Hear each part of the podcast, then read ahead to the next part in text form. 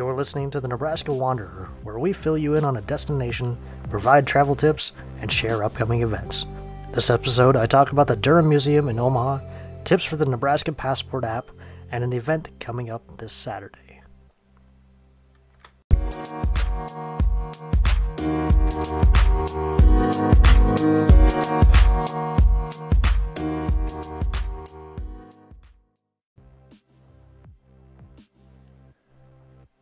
Recently, I spent several days exploring Omaha with my family. We visited the Henry Doorly Zoo, Boys Town, and several local eateries. An unplanned but welcome visit that we made was the Durham Museum in the old Union Trade Station. It was built in the 1930s and is decorated in the Art Deco style, inside and out. The Great Hall serves as the information hub, gift shop which carries many Nebraska made items, and the old fashioned soda fountain which serves food and treats. Off the main hall is where the Lives of Tradition series of photos by Charles W. Guildner is displayed. It includes images of the everyday lives of ranchers carrying on traditions passed on through generations. Downstairs is an exhibit covering the history of the Omaha Police, and behind that is the mystery solving adventure Top Secret License to Spy. Although meant for kids to explore, I and plenty of adults found entertainment in the series of clues. Also downstairs was a History of Omaha exhibit covering a large portion of the space and many events, including the Greater American Exposition of 1899. Several train cars, including the Cornhusker Club car, sit as if they are still waiting to transport passengers to their faraway destinations. There's plenty to see in the museum, and you should definitely take your time and experience everything.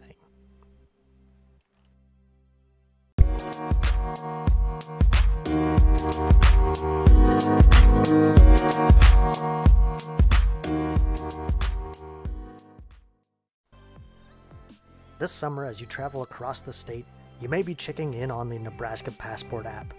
I have many stops under my belt, but that hasn't come without some frustration. While attempting to collect a few stamps, I plugged in my destination on Google Maps, traveled to the passport stop, and was then greeted by the You appear to be outside of required location radius message that I'm sure many of you have been met with. I found out that the app itself is designed to plot a destination on your favorite map application.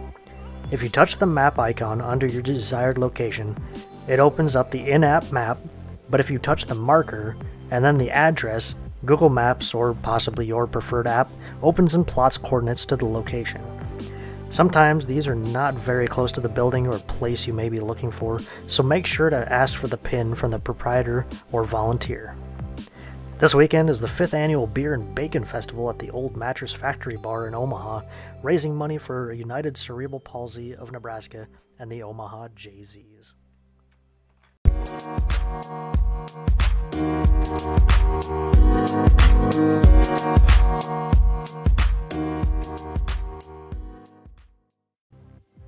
If you're in Omaha this weekend, make sure to visit the Durham Museum, stop by the Beer and Bacon Festival, and download the Nebraska Passport app. Thanks for listening, and if you want to find out more, check out our website, thenebraskawanderer.com. Also, check out our road trip radio playlist on Spotify. Here are a few tracks to give you a taste of what is included.